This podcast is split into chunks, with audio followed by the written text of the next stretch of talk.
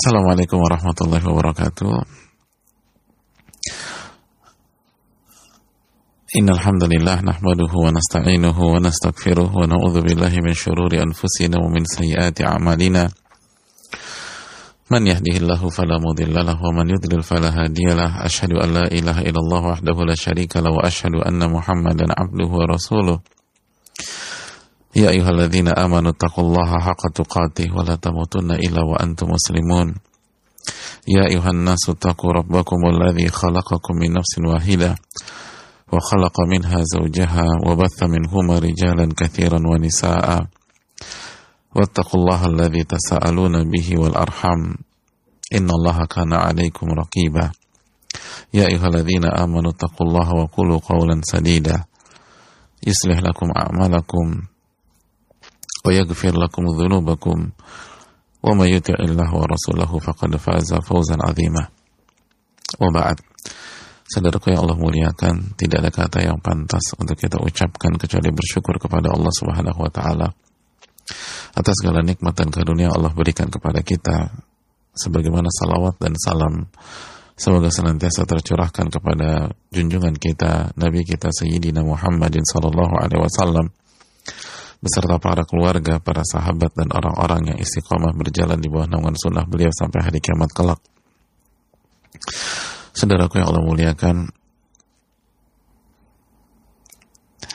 Alhamdulillah pada pagi hari ini kita berkumpul kepada berkumpul di majelis di antara majelis-majelis ilmu di taman dari taman-taman surga di momen yang begitu spesial di detik-detik yang diberkahi oleh Allah Subhanahu wa taala. Di bulan yang Nabi SAW sampaikan Syahrul Mubarak, bulan yang diberkahi oleh Allah Subhanahu wa taala. Tahukah kita apa itu keberkahan? Keberkahan adalah banyaknya kebaikan, lalu langgengnya kebaikan, lalu ia tumbuh menjadi berbagai macam kebaikan berikutnya. Dan itulah yang bisa menggambarkan bulan ini, bulan Ramadan, 1441 Hijriah. Penuh dengan kebaikan penuh dengan keberkahan dan kesulitan kondisi kita pada hari-hari ini. Itu tidak merubah fakta bahwa bulan Ramadan adalah bulan yang penuh dengan keberkahan dan kebaikan. Karena fakta ini disampaikan oleh Rasulullah Sallallahu Syahrul Mubarak.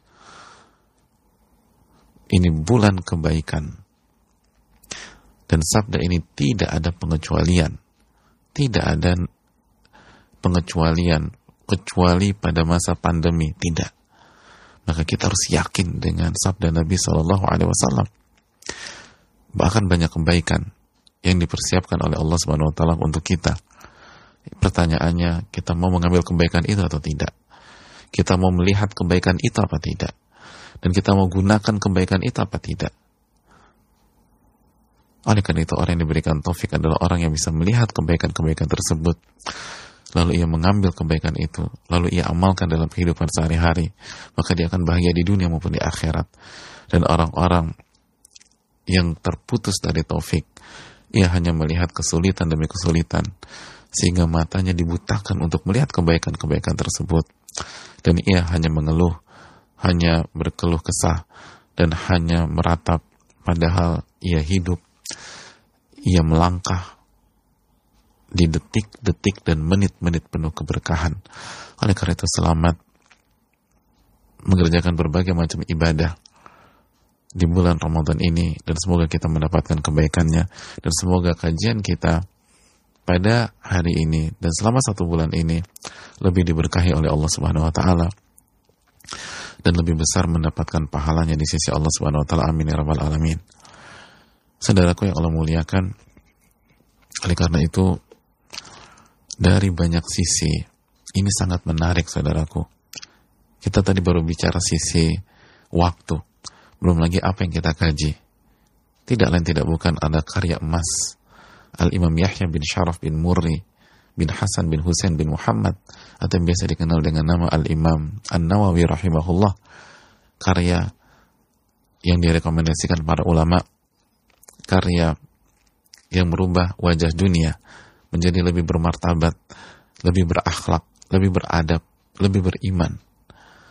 Sudah terbukti jutaan, mungkin miliaran orang mendapatkan hidayah irsyad dari buku ini sehingga Allah berikan hidayah taufik kepada dia.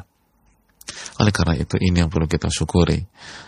Maka tidak heran al-imam atau para ulama kita mengatakan Riyadus Salihin la yustagna'an Riyadus Salihin adalah buku yang dibutuhkan oleh semua umat maka bersyukurlah kepada Allah Subhanahu wa taala.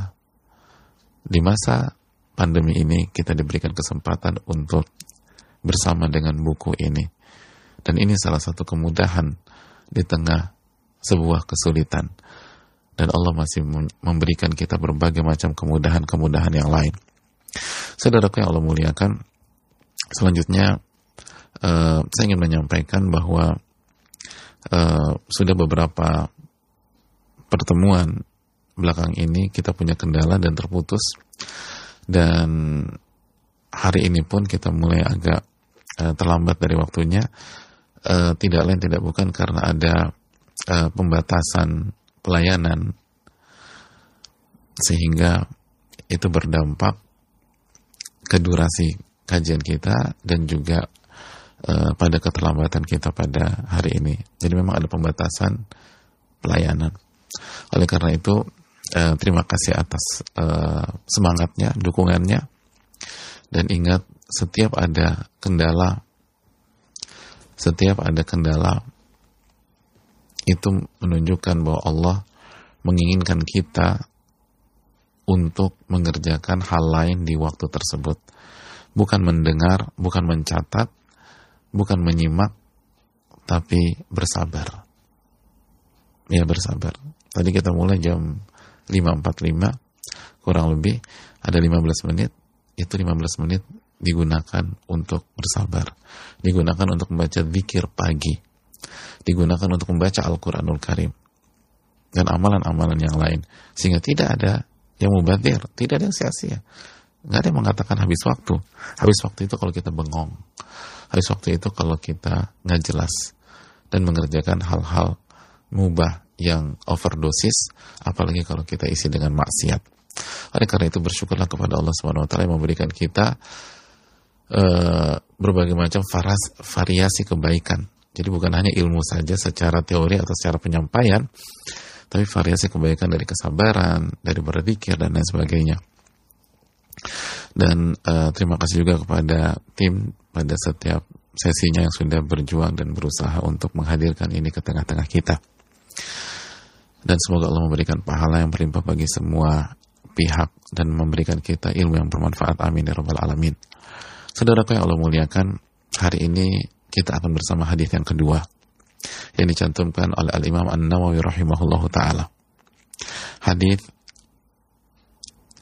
yang dikeluarkan Bukhari dan Muslim dan yang akan kita baca adalah redaksi dari Al-Imam Al-Bukhari dari Ummil Mukminin dari ibundanya orang-orang beriman.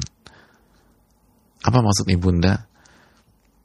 Ibunda orang-orang beriman adalah nama lain dari istri-istri Nabi kita Shallallahu Alaihi Wasallam. Dan siapa istri yang dimaksud? Ummu Abdullah Aisyah radhiyallahu taala anha. Dari Ummu Abdullah Aisyah radhiyallahu taala anha. Ya, kita bersama Aisyah radhiyallahu taala anha. Qalat qala Rasulullah sallallahu alaihi wasallam. Aisyah radhiyallahu taala anha menyampaikan bahwa Rasulullah sallallahu alaihi wasallam bersabda, "Yaghzu syai' yagzu jaishun al-Ka'bata. Ada pasukan yang menyerang Ka'bah. Fa'idha kanu bayda minal ardi yukhsafu bi awalihim wa akhirihim. Dan ketika mereka berada di sebuah uh, padang pasir atau di sebuah hamparan yang luas, sebagian ulama mengatakan titiknya ada di antara kota Madinah dan Mekah. Sebagian ulama mengatakan demikian ketika menjelaskan hadis ini. Jadi itu hamparan yang luas yang berada di antara Madinah dan Mekah. Kejadiannya di situ. Jadi saya ulang, kata Nabi SAW, ada sebuah pasukan yang ternyata mereka ingin menyerang Ka'bah hadirin. Fa'idha kanu bibaida. Dan ketika mereka berada di hamparan yang luas antara Madinah dan Mekah. Jadi udah targetnya kota Mekah. Yukhsafu bi awalihim wa akhirihim. Tiba-tiba Allah tenggelamkan mereka ke dalam perut bumi. Semuanya dari awal sampai orang paling terakhir, semuanya ditenggelamkan. Dikubur hidup-hidup. Subhanallah. Semuanya biawalihim wa akhirihim Semuanya tanpa terkecuali satu rombongan ditenggelamkan oleh Allah Subhanahu wa taala. Qalat qultu ya Rasulullah Ketika Rasulullah SAW bercerita tentang kejadian itu kepada Aisyah radhiyallahu taala anha, spontanitas Aisyah kaget dan bertanya kepada Nabi SAW. Aisyah cerdas. Lalu beliau merasa ada yang gak biasa dengan cerita ini. Maka beliau bertanya, Ya Rasulullah, Wahai Rasulullah, Kaifa yukhsafu bi awalihim wa akhirihim, wa fihim aswaquhum wa man laysa minhum. Ya Rasulullah, bagaimana bisa seluruh rombongan ditenggelamkan sama Allah Subhanahu wa taala, dimasukkan ke dalam tanah Sedangkan di antara mereka ada para pedagang-pedagang yang ingin berdagang di kota Mekah. Dan di antara mereka ada orang-orang yang ada hubungannya tidak berniat untuk menyerang Ka'bah. Tapi ikut bersama rombongan itu ke kota Mekah.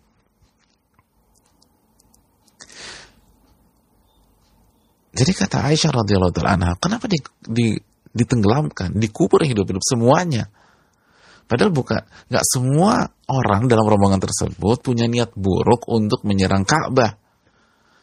Ada yang bergabung, ikut untuk sampai di kota Mekah aja bareng-bareng. Karena kita tahu nggak mudah melakukan perjalanan sendiri di kondisi pada zaman itu.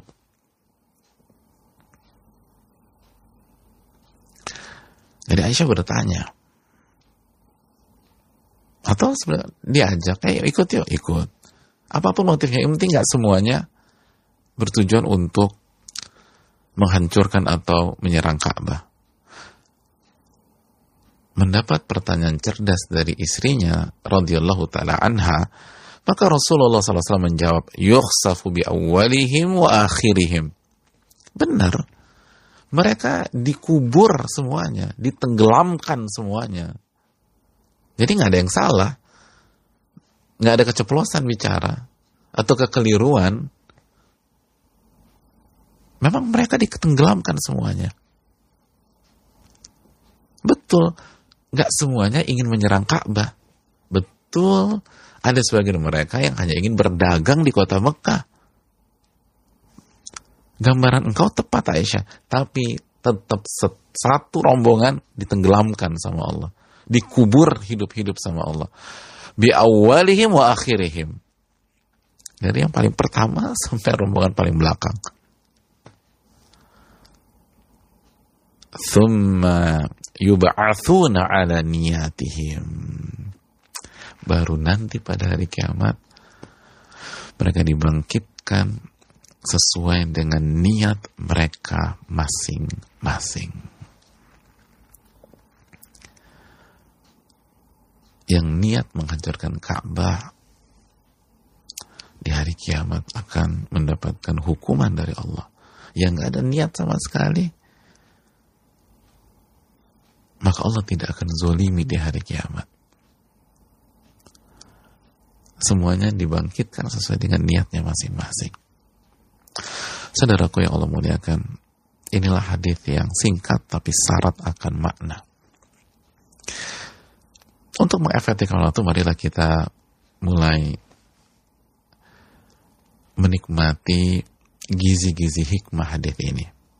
Yang pertama, tentu saja kita tidak bisa melewatkan sosok yang menjadi perawi atau sahabat yang meriwayatkan hadis ini. Siapa lagi kalau bukan Aisyah radhiyallahu taala anha. Ibunda kita. Masa kita nggak kenal ibu kita sendiri? Aisyah radhiyallahu taala anha adalah putri dari Abu Bakar As-Siddiq radhiyallahu taala an. Sosok yang luar biasa.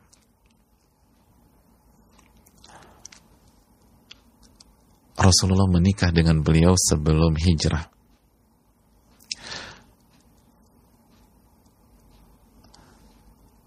Lalu berhubungan dengan beliau ketika berada di Madinah setelah perang Badar di bulan Syawal. Dan beliau hidup bersama Rasulullah SAW selama 9 tahun. Bayangkan wanita yang luar biasa ini hidup tinggal satu atap dengan Nabi SAW selama 9 tahun. Dan ketika Rasulullah SAW wafat, usianya kurang lebih 18 tahun. Ada yang mengatakan 17 tahun radhiyallahu taala anha dan berbicara tentang sosok yang mulia ini ibunda kita saudaraku bicarakan ibu itu nggak cukup satu dua pertemuan ada banyak cerita tapi di antaranya adalah beliau adalah sosok yang penuh dengan ilmu belia memang bayangkan Nabi wafat usia beliau 17 atau 18 tahun.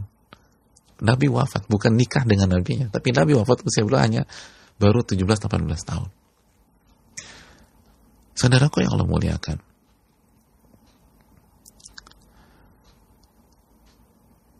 Tapi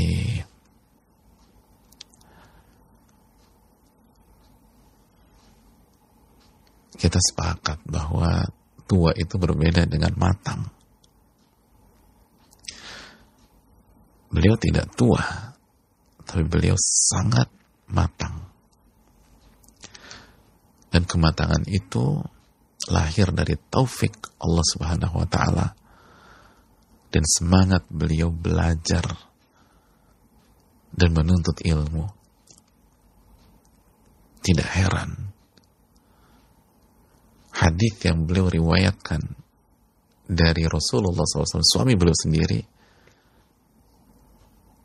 kurang lebih ada 2210 hadis. 2210 hadis. Saya ingin tanya kepada para istri, siapa di antara kita yang mendapatkan ilmu dari suaminya, ribuan ilmu. Eh, suamiku kemarin bilang begini, ternyata indah malah malu biniat dapat satu Terus cerita lagi, suamiku tuh kemarin cerita sama aku.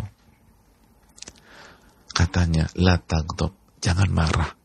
Terus nanti ketemu lagi. Suamiku tuh, oh subhanallah. Aisyah 2210 hadis.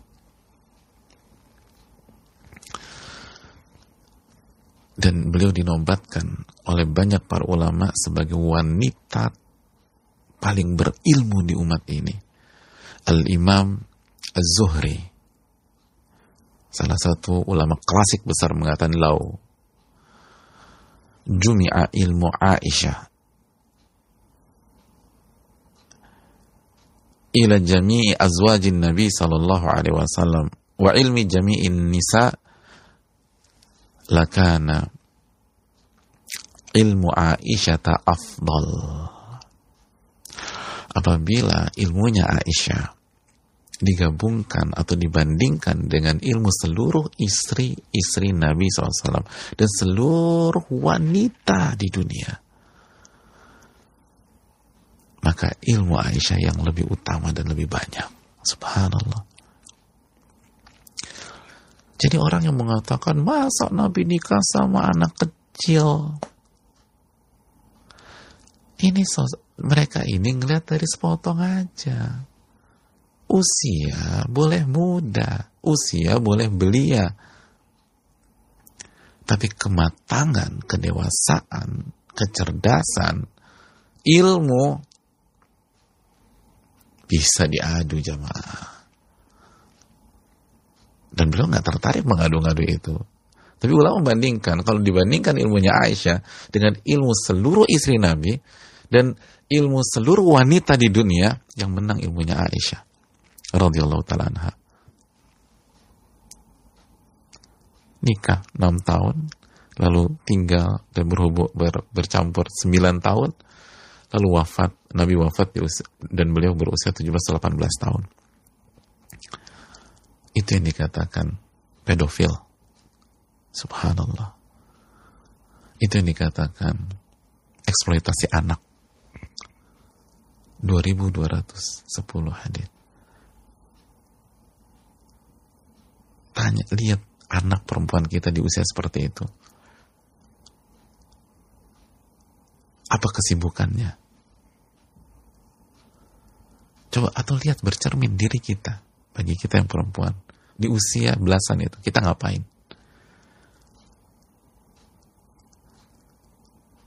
Sematang Aisyah kita. Aisyah difitnah satu kota dan tenang dan tidak mengumbar tidak cari dukungan beribadah kepada Allah Subhanahu wa taala sebagaimana dalam hadis al-ifk ilmu beliau itu sangat luar biasa. Oleh karena itu saudaraku yang Allah muliakan, itulah Aisyah. Sahabat yang meriwayatkan hadis ini. Gak selesai-selesai memang kalau kita bicarakan ya. Dan kita nggak punya banyak waktu. Oleh karena itu mari kita lanjutkan. Dan semoga kita diberikan taufik dan kesempatan Allah untuk berbicara khusus tentang ibunda kita yang satu ini. Radiyallahu ta'ala anha. Hadirin yang Allah muliakan.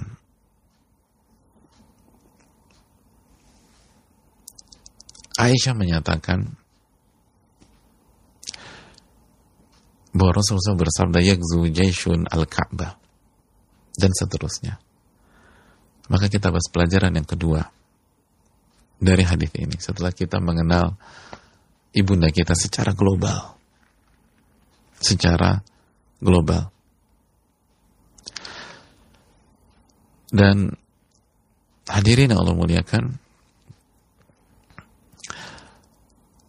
Oh ya, terakhir tentang ibunda kita, beliau wafat di tahun 57 atau 58 Hijriah.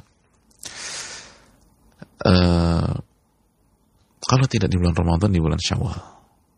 Di kota Madinah. Wallahu ta'ala alam bisawab.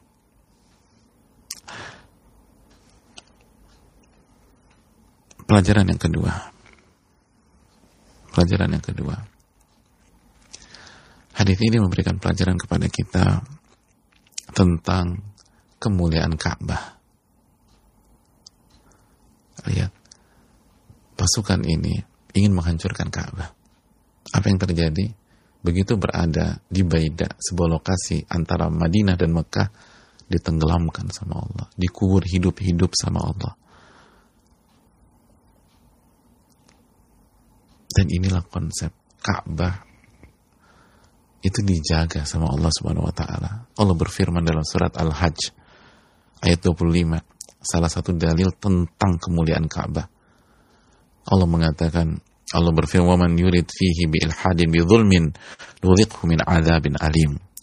Barang siapa yang berniat melakukan dosa, kezoliman, kemaksiatan di sana di Ka'bah di Masjidil Haram. Di tanah haram. Nudhiqhu min adzabin alim.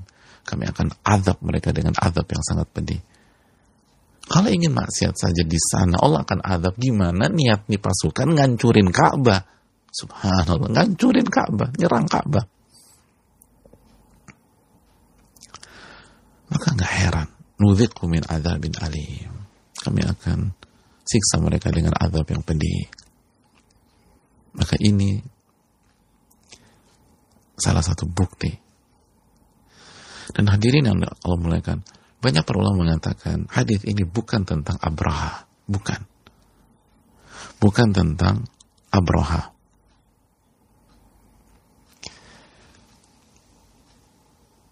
Nabi sedang menceritakan kejadian yang akan datang, kata para ulama. Kalau Abraha, kita tahu tahun gajah. Tahun di mana Nabi SAW lahir ke dunia. Tapi ini kejadiannya, Nabi sedang bicara tentang masa depan.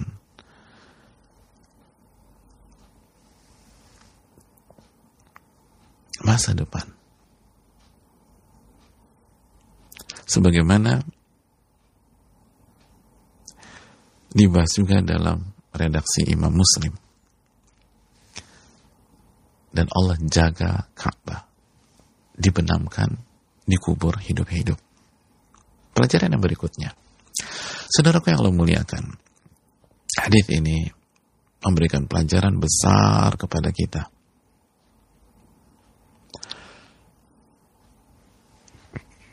Bahwa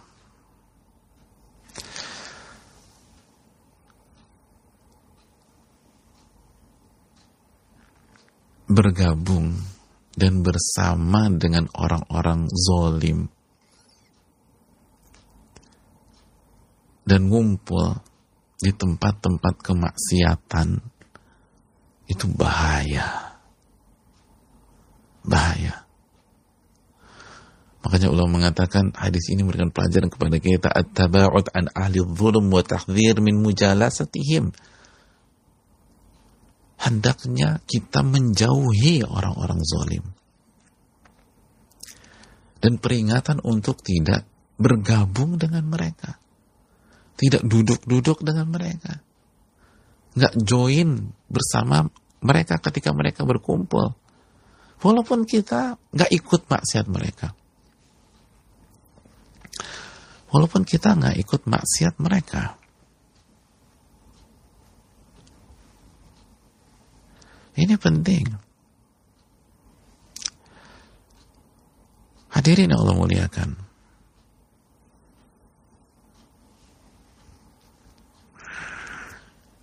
Imam Malik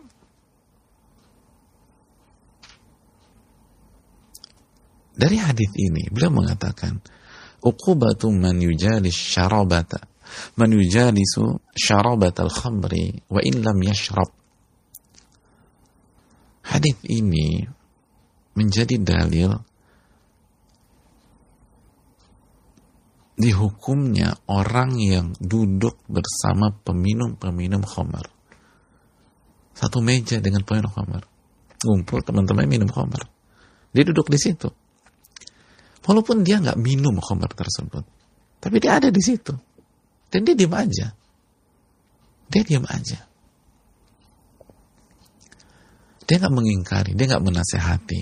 Dia diam aja. Ketika tanya, bro kenapa lu duduk di situ? Gue kan nggak minum. Itu Imam Malik mengatakan, ingat hadis ini, hati-hati, hati-hati.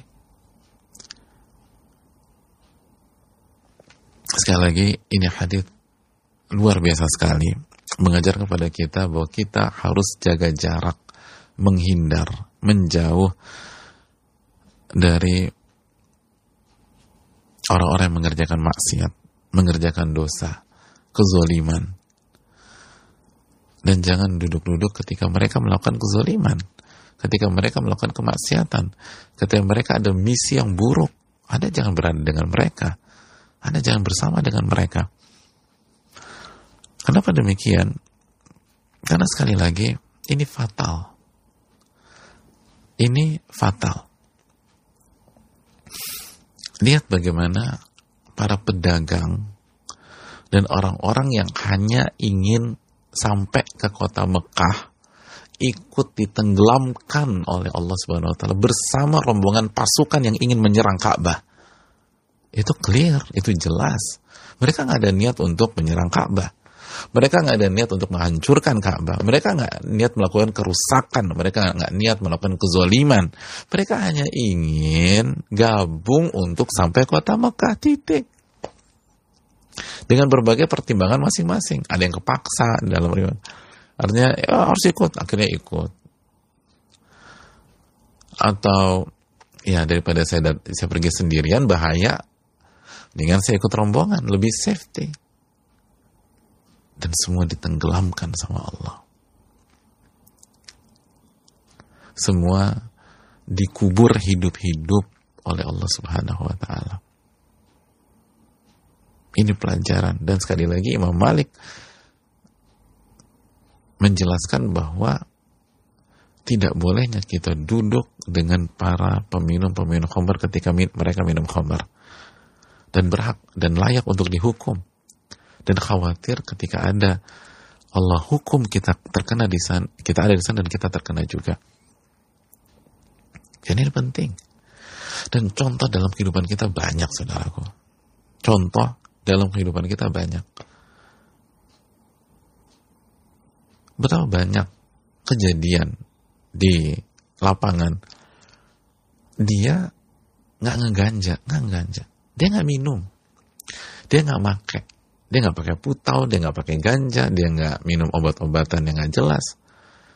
Tapi begitu ada razia dia lagi jalan berempat dalam sebuah mobil itu tiga tiga yang satu digeledah ada ganja. Yang satu digeledah ada putau.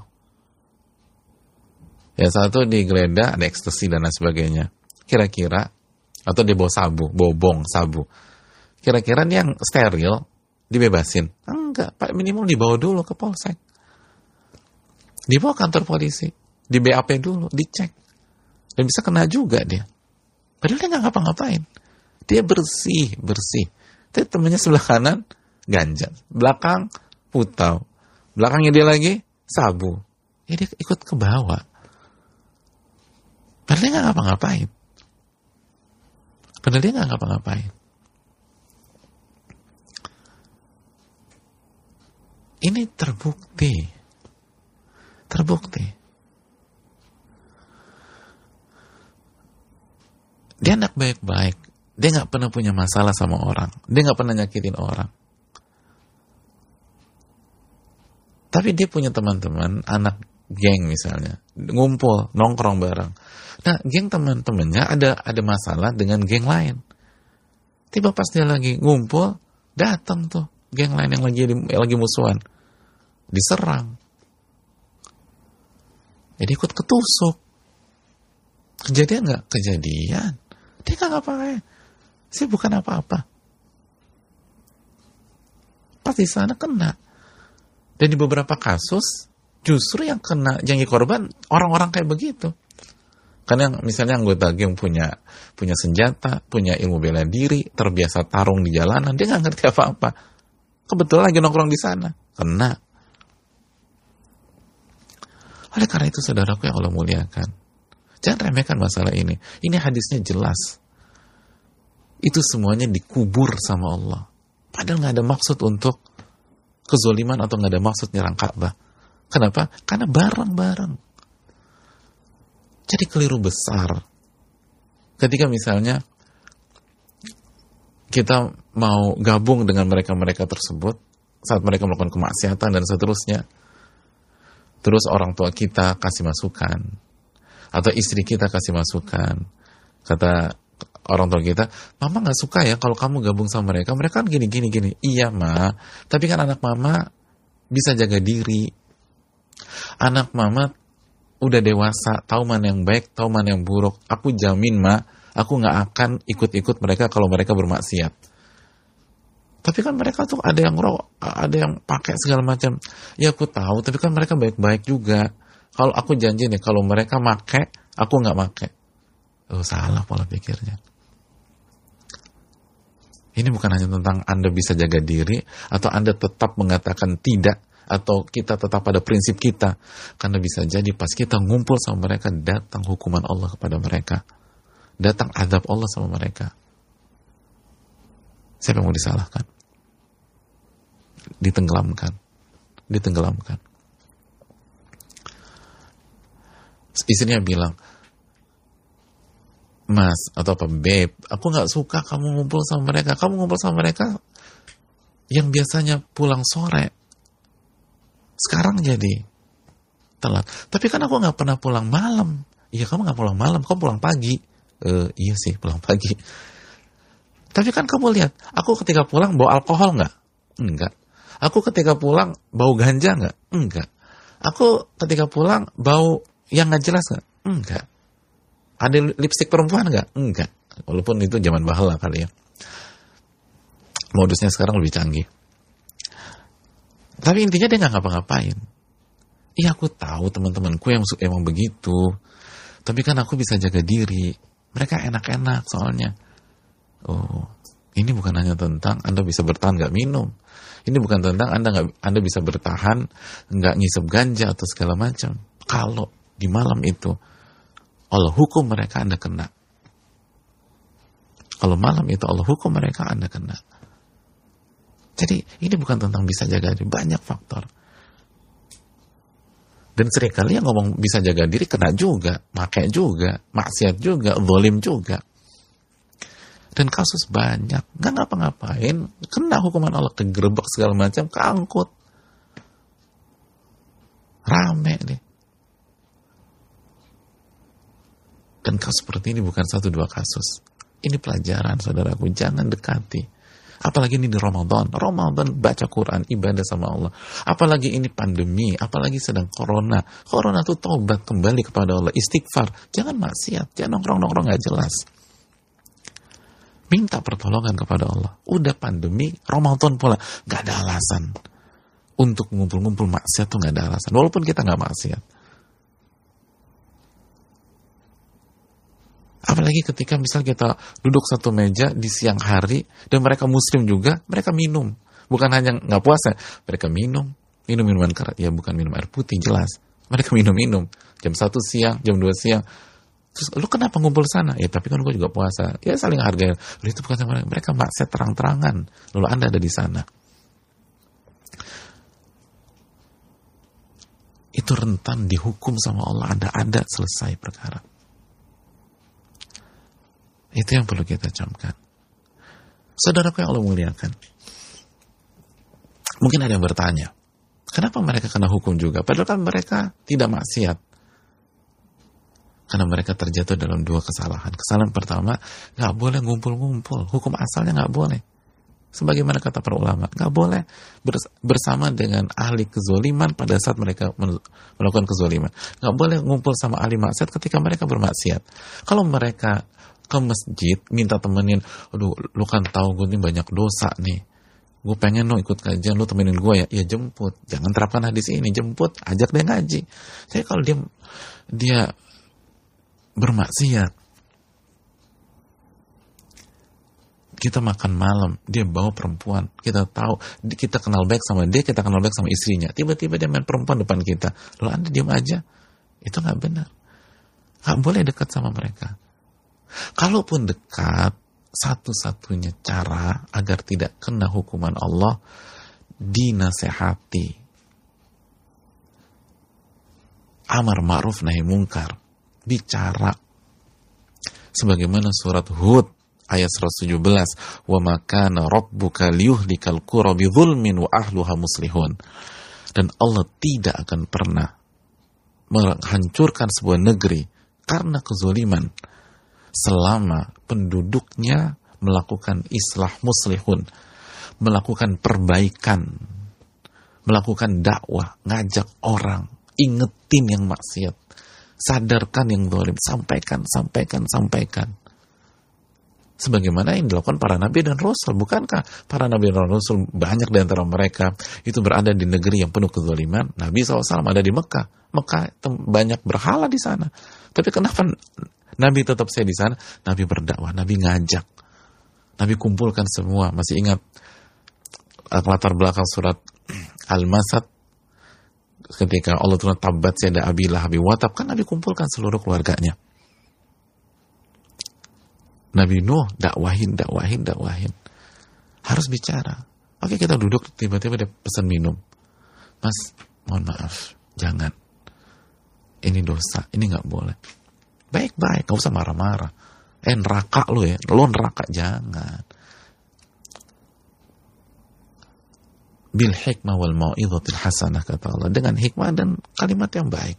Tapi harus bicara, harus nasihati, harus ingatkan.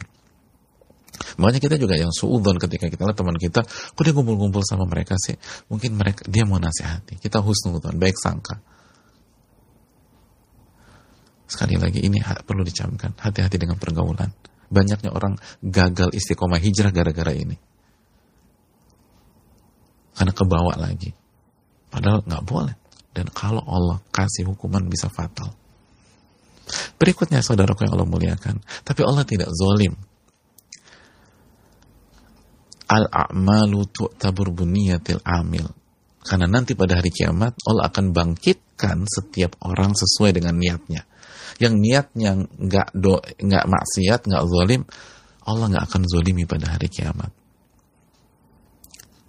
adapun hukuman atau bencana itu di dunia kata para ulama karena mereka tidak mengindahkan perintah Allah untuk menjauhi orang-orang yang melakukan kezaliman.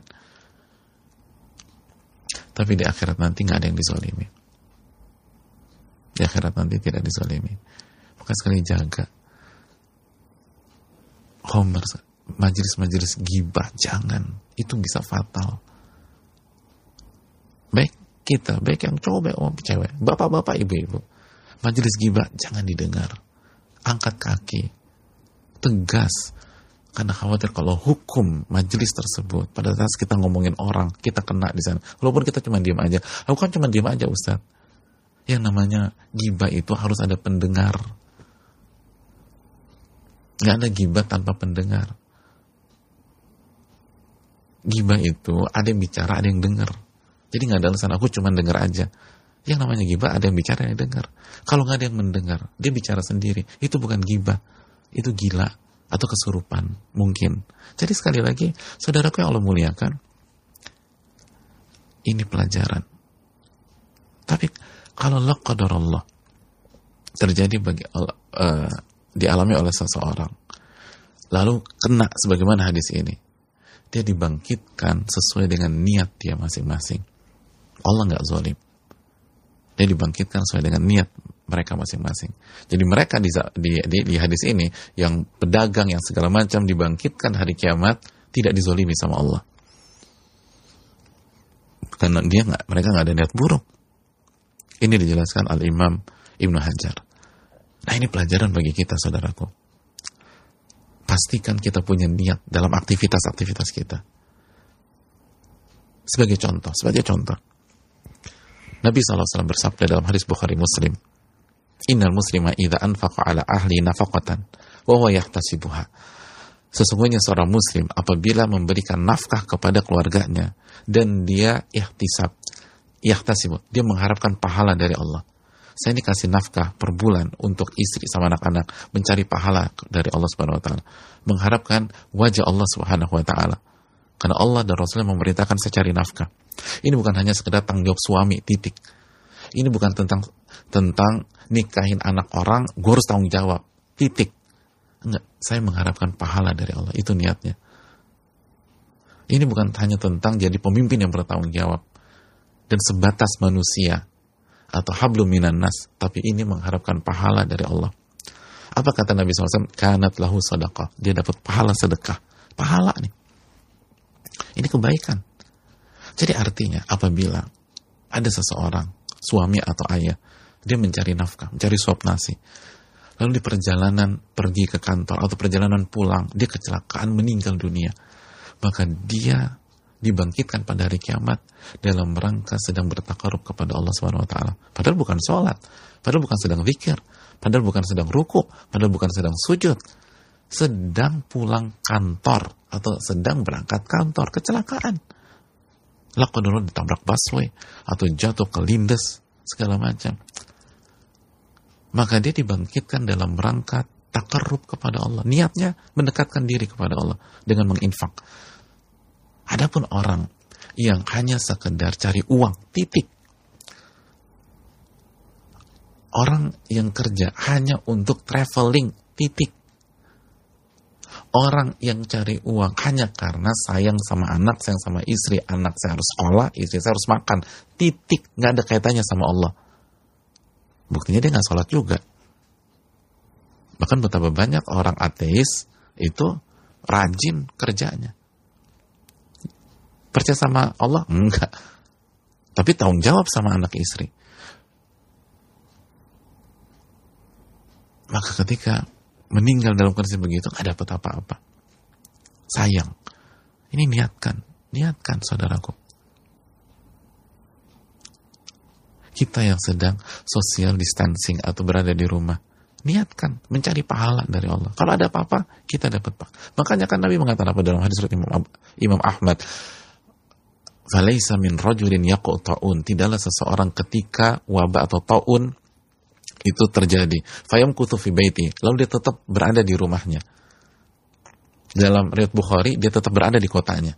Karena sering kali kita nggak bisa dengan kondisi seperti ini kita harus keluar. Tapi dia tetap ber bertahan, dia nggak kabur ke kota lain dan seterusnya. Karena takut terhadap uh, taun atau wabah tersebut, dia tetap berada. Terus apa kata Nabi? Langsung dapat pahala syahid? Tidak sabiran, dia sabar. Wa muhtasibah, dan dia mengharapkan pahala dari Allah. Dan dia beriman kepada takdir bahwa apa yang menimpa dia tidak akan meleset karena itu yang ditakdirkan oleh Allah. Maka dia mendapatkan pahala seperti orang yang mati syahid. Jadi ada niat di sana. Mainkan niat, saudaraku. Mainkan niat, ini penting. Sehingga kalau ada apa-apa, nanti pada hari kiamat kita dibangkitkan dengan niat baik kita. Padahal pada saat kita wafat kita bukan wafat di masjid, kita bukan wafat di uh, di Masjidil Haram, kita bukan wafat di Masjid Nabawi, kita bukan wafat di tanah haram, kita bukan wafat di Mina, misal di tanggal 8 atau 11, 12, 13.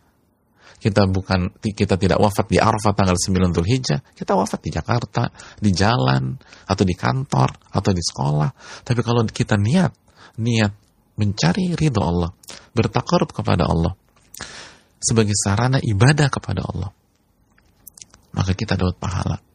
Kita dapat pahala sebagaimana ini yang menafkahkan keluarganya dan dia mengharapkan pahala mendekat kepada Allah, maka dia mendapatkan pahala sedekah. Ini pelajaran besar buat buat kita.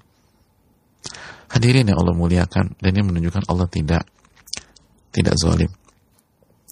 Dan yang terakhir sekali lagi hadis ini memberikan pelajaran kepada kita bagaimana kehidupan rumah tangga yang sesuai dengan sunnah Nabi SAW. Ada komunikasi antara suami dan istri. Nabi mengedukasi, bercerita, mendidik istrinya. Aisyah bertanya. Terus ada Q&A. Jadi Q&A ini konsep rumah tangga Islam. Ketika Aisyah agak bingung nggak ngerti. Kenapa begitu? Langsung tanya kepada Nabi SAW dan lihat komunikasi dengan adab. Makanya para ulama mengatakan lihat bagaimana Aisyah memanggil suaminya. Kata Aisyah ya Rasulullah wahai Rasulullah ini ini nggak ada branding di situ. Ini tentang suami dan istri. Berdua suami dan istri. Tapi tetap manggil ya Rasulullah wahai Rasulullah. Nggak manggil eh Muhammad. Kok Muhammad sih? Ya kan nggak ada siapa-siapa. Ya udah manggil nama aja atau lo tuh ya lo tuh ya like subhanallah. Ini istri ya Rasulullah. Lihat adab. Lalu ada pembicaraan uh, komunikasi tanya jawab. Oleh karena itu hadirin yang dirahmati oleh Allah Subhanahu Wa Taala inilah hadis yang kedua hadis yang memberikan kita pelajaran yang besar dan hati-hati dengan uh, yang tadi kita sampaikan jangan gabung dengan ahli maksiat atau orang yang zalim di kezalimannya pada saat mereka melakukan kezaliman, melakukan dosa dan maksiat. Dan jangan sampai kita eh, keberadaan kita justru memperkuat mereka, memperkuat maksiat, memperkuat kezaliman, eh, supporting terhadap mereka, maka itu sebuah kesalahan fatal. Dan sekali lagi, tapi Allah tidak zalim, nanti pada hari kiamat dibangkitkan sesuai dengan niat kita masing-masing dan ini pelajaran bagi kita hati-hati deh camkan niat hari-hari ini niat yang benar untuk dokter juga pada kesempatan kali ini jangan hanya niat secara profesional. Jangan. Kalau ada apa-apa pada saat kita bertugas, pada saat kita melayani dan berkhidmat pada pasien-pasien dan saudara-saudara kita, niatkan takarruban, mendekatkan diri kepada Allah, mencari pahala. Niatkan hadis Nabi SAW kan Allah fi'unil abdi maka al abdu fi'uni akhi. Kita dibantu orang niatkan agar Allah bantu kita. Karena Nabi bersabda Allah membantu seorang hamba ketika hambanya membantu orang lain. Jadi jangan hanya sekedar profesional jangan hanya sekedar karena saya dokter dan ini profesionalisme saya. Itu bagus tapi tambahkan lagi niatkan karena Allah subhanahu wa ta'ala kalau kita ada apa-apa, pada saat kita bertugas, kita akan dibangkitkan sesuai dengan niat kita. Kalau niat kita hanya sebatas kerjaan, ya hanya kerjaan. Nggak dapat pahala sama sekali. Tapi kalau kita niat dalam rangka menolong orang karena Allah perintahkan, menjalankan perintah Allah, mendekat kepada Allah, mengharapkan pahala dari Allah. Oh itu luar biasa. Itu sangat luar biasa. Dan semua kita pun demikian. Semua kita demikian. Ibu-ibu yang ada di rumah, jaga niatnya. Takarub kepada Allah Subhanahu Wa kita mungkin nggak bisa maksimal baca Quran sebagaimana para ulama dulu. Kenapa harus ngurus anak, ngurus suami? Ah, niatkan, maka kita akan dapat pahala juga. Dan kalau ada apa-apa, kita akan dibangkitkan dengan niat baik tersebut. Ini bisa disampaikan. Uh, terima kasih banyak. Uh, wassalamualaikum ala nabiyina Muhammad wa karena sudah jam segini uh, saya rasa cukup dan sekali lagi kodarullah ada kendala lagi di pagi hari ini uh, itulah dunia. Dunia adalah ajang ujian. Alladzi khalaqal mauta wal hayata liyabluwakum ayyukum ahsanu amala. Dia yang menciptakan kematian dan kehidupan untuk menguji kalian siapa di antara yang paling baik amalnya. Dan sekali lagi uh, perbanyak kita khususnya saya pribadi dan kita semua perbanyak istighfar kepada Allah uh, dan perbanyak taubat kepada Allah semoga Allah uh, lancarkan di kesempatan yang akan datang dan ingat ini ujian kesabaran, ini edukasi kesabaran, maka sikapi dengan sabar dan begitu ada kendala langsung beralih sementara waktu ke amalan lain. Subhanakallahumma anta insyaallah uh, besok pagi kita masuk hadis ketiga. Assalamualaikum warahmatullahi wabarakatuh.